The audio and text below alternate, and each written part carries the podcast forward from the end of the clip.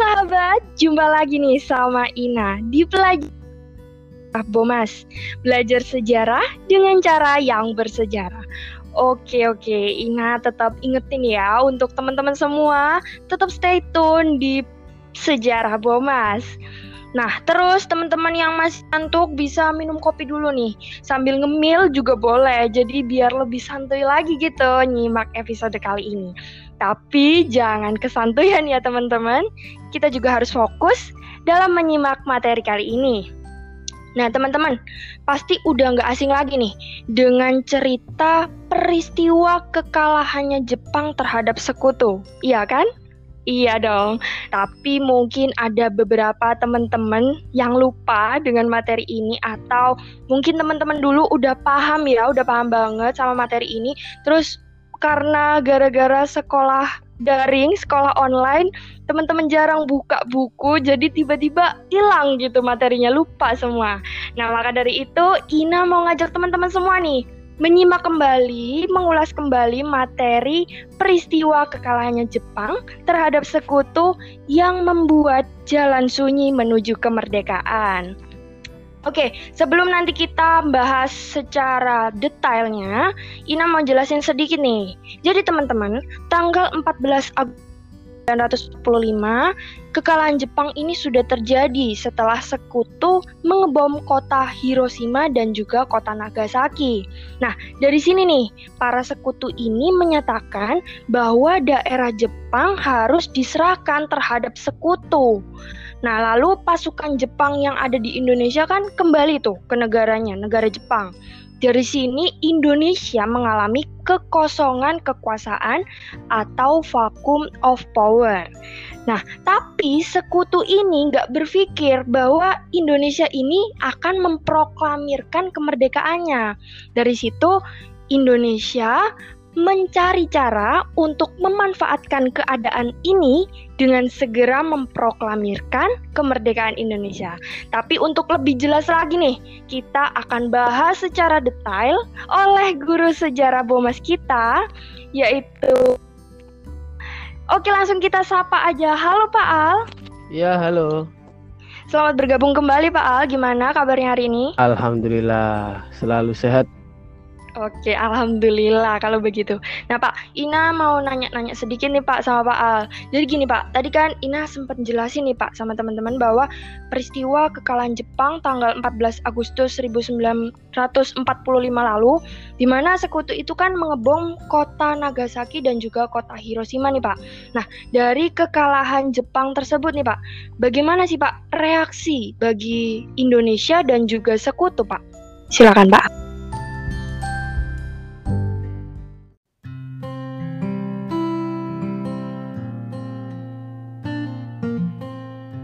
Ya, ini nanti sejarah tentang kekalahan Jepang harus kita pandang dari tiga sudut pandang yang berbeda ya, dari Jepangnya, kemudian dari Indonesia, dan juga dari sekutu. Di mana eh, daerah yang menjadi fokus utama pendudukan atau pengambil alihan kekuasaan selain Jepang yaitu Indonesia. Nah, yang pertama kita akan melihat dari kaca pandang eh, Jepang. Pada waktu itu, tanggal-tanggal sebelum tanggal 6 Agustus, memang Jepang sudah mengalami berbagai macam kekalahan-kekalahan. Desakan-desakan dari serangan sekutu, terutama dari Rusia, sudah mulai merangsak. Kemudian eh, akhirnya mau tidak mau Jepang harus apa ya menghimpun kekuatan kembali dengan berbagai cara. Salah hmm. satunya yaitu menjanjikan kemerdekaan salah satunya kepada Indonesia. Maka dari itu tanggal 6 bertepatan dengan pengeboman itu Soekarno dipanggil dan Hatta dan juga Rajiman dipanggil ke Vietnam untuk membahas perihal kemerdekaan. Itu reaksi dari Jepang yaitu bom pertama itu membuat uh, Jepang itu sudah menyadari bahwa tidak lama lagi mereka akan uh, dalam arti sudah hancur begitu ya Kemudian bom kedua hmm. ketika menyerang Nagasaki tanggal 9 Nah itu baru mulai Jepang sudah mulai uh, dalam arti sudah tidak bisa mempertahankan lagi Apalagi Jepang itu negaranya yaitu memiliki gengsi yang tinggi. Maka di bawah ucapan untuk menyelamatkan muka Jepang, ya akhirnya Jepang e, memilih untuk menyerah kepada sekutu tanggal 14 Agustus 1945. Itu dari e, Jepang. Sekarang kita memandang dari sekutu. Nah, kekalahan Jepang ini disambut riang oleh sekutu. Jadi dalam pemberitaan koran-koran luar negeri tanggal 14 Agustus itu banyak melaporkan bahwa ketika Jepang menyerah, maka perang dunia kedua sudah berakhir. Nah, orang-orang di London, Inggris merayakan dengan riang dan bersorak-sorai. Kemudian di Belanda, bendera merah putih biru sudah berkibar di kota-kota. Itu menandakan bahwa eh, setelah Jerman juga menyerah, Italia menyerah, kekalahan Jepang itu sebagai tanda bahwa Perang Dunia Kedua sudah berakhir. Berbeda sikap dengan Belanda, kesenangan Belanda dua kali lipat. Mengapa?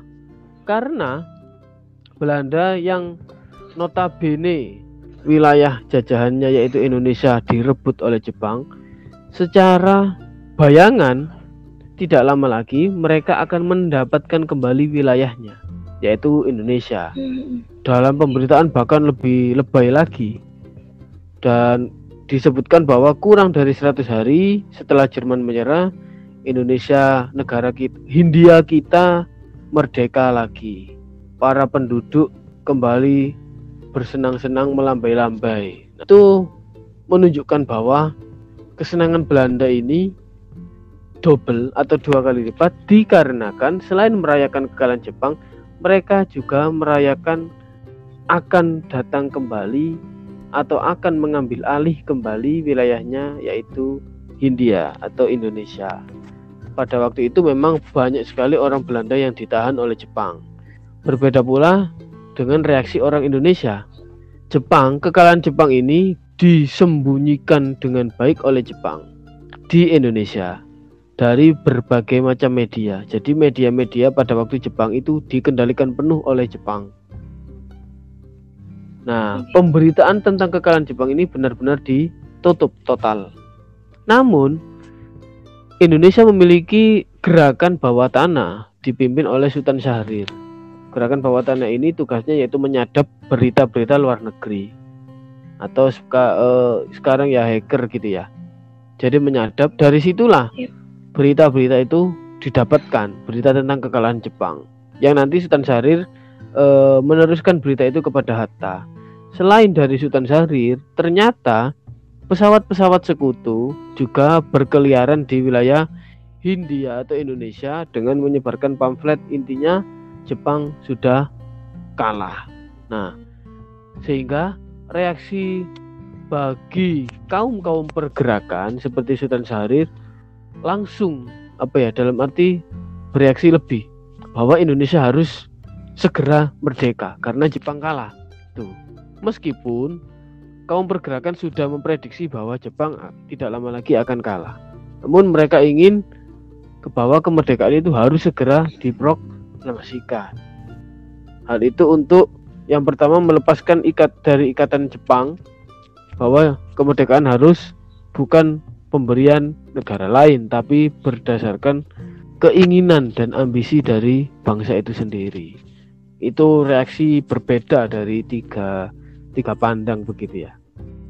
Gitu nah. Oke, Pak. Oke, Pak, jelas. Nah, untuk selanjutnya nih, Pak. Dari kekalahan Jepang ini, Pak, apa sih Pak dampak bagi kondisi wilayah di Indonesia Pak? Uh, sejujurnya kekalahan Jepang ini dampaknya bagi Indonesia tidak bagi wilayah ya dalam arti uh, penduduk-penduduknya tidak ada bedanya ya tetap santai tetap ada orang Jepang. Tetap uh, dalam arti menjalankan aktivitas seperti biasa. Gitu. Jika dari penduduknya. Namun dari segi uh, komite apa dalam arti pemerintahan daerah kekalahan Jepang ini kan nanti akan melahirkan kemerdekaan. Kan? Kemerdekaan 17 Agustus. Nah kemudian akhirnya dibentuklah pemerintahan. Karena dapat dikatakan kemerdekaan Indonesia ini kan dilakukan dengan e, spontan ya. Dalam arti ya bukan spontan mendadak tidak. Memang sudah ada persiapan-persiapan. Namun secara tanggal bukan tanggal itu gitu loh. Sehingga mau tidak mau harus segera diselesaikan berbagai urusan birokrasi. Jadi bagi warga sendiri tidak ada tidak ada reaksi sambutan meriah seperti yang saya sebutkan tadi di London atau di Belanda atau di daerah-daerah sekutu di mana e, mereka mengalahkan Jepang. Karena apa? Yang pertama, pemberitaan memang di dikendalikan oleh Jepang sehingga bagi rakyat pemberitaan tentang kekalahan Jepang tidak begitu terdengar. Bahkan disebutkan dalam e, catatan pesawat ya. Jadi uh, catatan pilot pesawat dari sekutu yang berkeliling ke kota-kota besar di Indonesia tidak ada ketegangan sama sekali.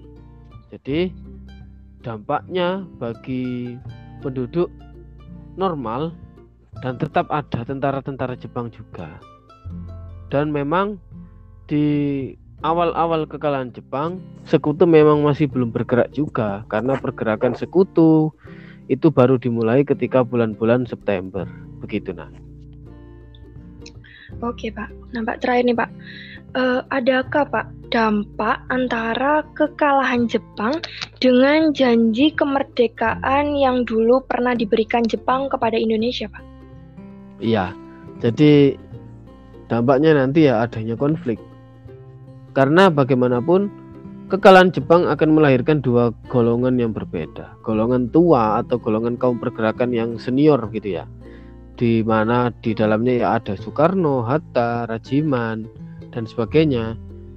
E, dibenturkan atau terbentur dengan golongan muda, golongan kaum-kaum pergerakan anak-anak muda yang mana niat dan ambisinya berbeda kekalahan Jepang ini melahirkan dua kubu tersebut. Karena apa? Pada waktu itu golongan tua yaitu dipimpin uh, oleh Soekarno Hatta memang sudah diberitahu bahwa Jepang sudah dalam arti sudah ber, mengalami berbagai macam kekalahan oleh Terauchi. Akhirnya mau tidak mau Marsikal Terauchi menjanjikan kemerdekaan dengan membentuk PPKI dan disepakatilah tanggal untuk kemerdekaan Indonesia sesuai dengan usulan dari uh, dari Soekarno bahwa kemerdekaan Indonesia akan terjadi tanggal 25 Agustus 1945. Nah, Jepang menyarankan tanggal 24 Agustus. Namun kekalahan Jepang membuat tanggal itu maju menjadi 17 Agustus karena adanya konflik antara golongan muda dan golongan tua yang nanti akan melahirkan tragedi Rengas Dengklok dan uh, dan peristiwa kemerdekaan Indonesia. Jadi jika ditanya tentang dampak adanya kekalahan Jepang, dampaknya yaitu adanya perubahan. Baik itu uh, perencanaan kemerdekaan, pandangan terhadap kemerdekaan serta konflik uh, golongan muda yang begitu berambisi untuk membujuk golongan tua agar memproklamasikan kemerdekaannya. Begitu nah.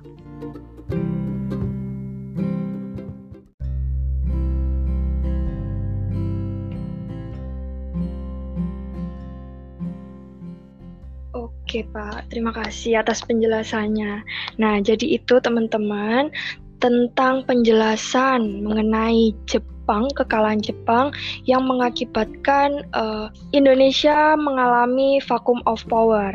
Tadi sudah Pak Al jelaskan juga bahwa sebelum tanggal 6 Agustus Jepang itu juga pernah mengalami kekalahan ya, sudah sudah mengalami kekalahan dan pada saat itu juga uh, ada pengeboman di kota Nagasaki dan juga kota Hiroshima.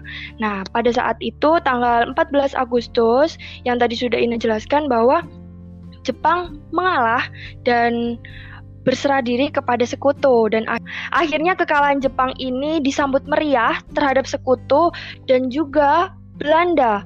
Tetapi Belanda ini sangat senang dengan dua kali lipat senangnya karena kekalahan Jepang dan juga negara Belanda ini juga akan merebut kembali atau akan kembali ke Indonesia.